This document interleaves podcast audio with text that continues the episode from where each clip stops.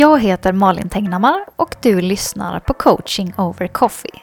En podcast från One Spoon Happiness där jag varje vecka över en kopp kaffe delar med mig av tankar, mindset och konkreta övningar för att skapa mer glitter i livet.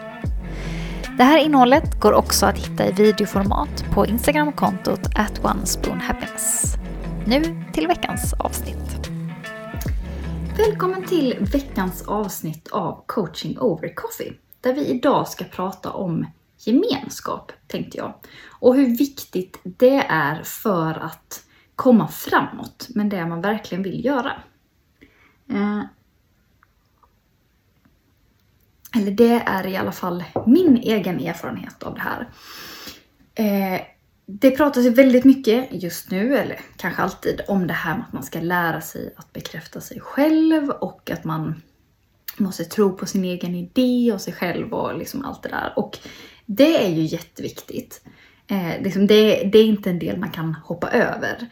Men det är så himla mycket lättare på något sätt att börja i änden av att umgås med eller söka sig till sammanhang där man är med andra som vill liknande saker. Eh, jag tror inte att jag hade åstadkommit eh, alls lika mycket av det jag har gjort och velat uppnå om det inte hade varit för att jag hade hamnat eller sett till att hamna i sammanhang med andra som gör liknande eller samma saker. För det är, det är så oerhört eh, viktigt, tror jag, att vara tillsammans med andra människor. Eh, när man vill, eller få uppmuntran liksom av andra människor när man vill göra någonting som känns stort och svårt. Eh, så det jag vill skicka med liksom i, i den här konversationen idag är ju just att så här, fundera på vad du skulle vilja göra och i vilka sammanhang du tror att du skulle må bra av att vara. Eh, jag kan nog säga att första gången som jag verkligen kände det här väldigt starkt var när jag gick en skrivarlinje på folkhögskolan. Eh, det var, för mig var det helt rätt typ av miljö där man blev så här uppmuntrad att göra mycket. Eh, men det var eget ansvar och allting var lite mer fritt. Och det var också första gången jag var i en miljö där det liksom krävdes positiv uppmuntran. Eh, att man faktiskt var kritisk mot vad de andra gjorde för någonting och ifrågasatte hur, hur man skrev och hur man kunde förbättra saker. Men att det gjordes med en typ av eh, kärlek och eftertanke som jag inte har varit med om innan. För liksom, om man tar typ skolan eller andra typer av organisationer så tycker jag att det är man letar liksom upp felen och så påpekar man det och så liksom ska det komma framåt. Men att aktivt vara tvungen att leta efter saker som också är bra i något som man kanske inte tyckte var det från början.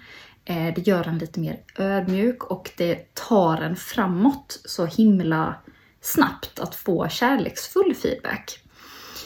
Eh, men också hela grejen av att inte behöva förklara sig. Det tyckte jag var helt fantastiskt. Att mm,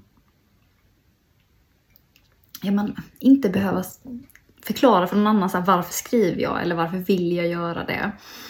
Mm, när man är med andra människor som inte gör det eller som inte förstår det så undrar jag, vad ska det vara bra för? Eller varför liksom, man får väldigt mycket frågor, eller man tänker kanske att andra har väldigt mycket frågor fast de inte nödvändigtvis alls har det.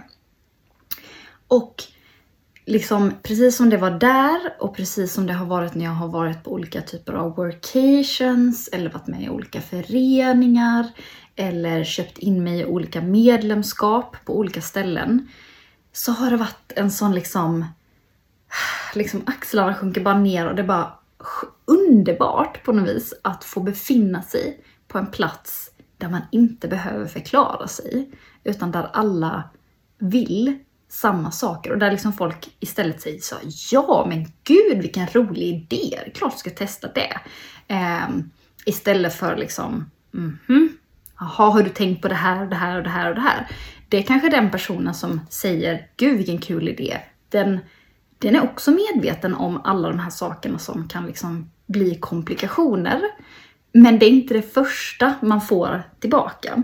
Så att liksom ens, ens drömmar och idéer kan bli så himla stärkta av det här. Um, och jag tror att har du en känsla av att det här, en viss typ av sammanhang, det skulle nog vara för dig. Då tycker jag att du ska gå på den känslan. För det har stämt i hela mitt liv i alla fall. Att om jag har haft en känsla, jag har liksom haft en känsla av att folkhögskola skulle passa mig. Jag har haft en känsla av att det skulle passa mig att åka på workation. Jag har haft en känsla av att retreat är något för mig. Jag har haft en känsla av vissa typer av medlemskap och så vidare. Och då har rätt personer funnits där. Ibland 100% klockrent, ibland inte. Eh, men det har ändå gett något varje gång. Eh, så jag tycker att har du den känslan runt någonting så boka in dig, anmäl dig, åk iväg eller styr upp själv med eh, bekanta som du har. Liksom skapa en liten cirkel av någonting eh, där ni kan uppmuntra varandra och där du får kraft av att vara med andra människor som vill, kanske inte exakt samma saker, men har samma typ av liksom driv och vill saker. Ehm, och ja, jag tror helt enkelt så här, det kommer ge dig en sån skjuts framåt. Ehm, det är liksom vad jag vill eh, skicka med idag.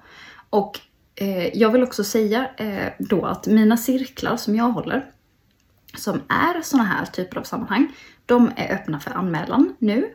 Både en lunchgrupp och en kvällsgrupp. Och min ambition när jag startade dem var verkligen att skapa den känslan som jag fick när jag var på folkhögskola.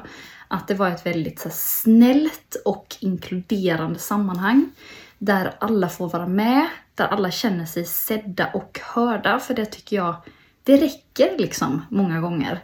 Eh, och vi har skapat det. De här cirklarna som har varit har verkligen varit det. Alla som har varit med har eh, på ett eller annat sätt uttryckt hur unikt det är att eh, träffa en, en grupp människor och att man liksom på något sätt bondar väldigt snabbt i att dela saker som man aldrig skulle dela med folk i sin närhet.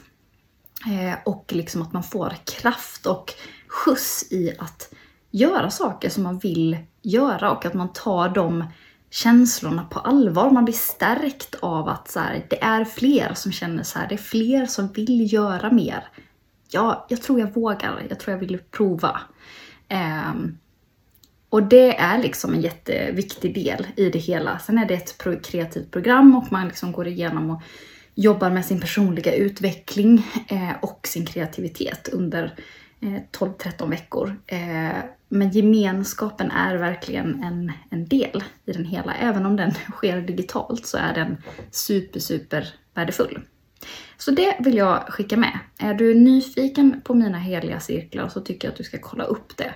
Eh, för du eh, kommer få en roligare höst om du går med. Det är jag ballsy nog att säga, för det, det är jag helt övertygad om. Och om inte en cirkel är för dig, leta upp ett annat sammanhang där du kan eh, trivas och utvecklas och få positiv uppmuntran av andra människor. För det är du banne mig värd. Med det säger jag tack och hej för den här veckan. Vi ses på coaching over coffee igen nästa vecka.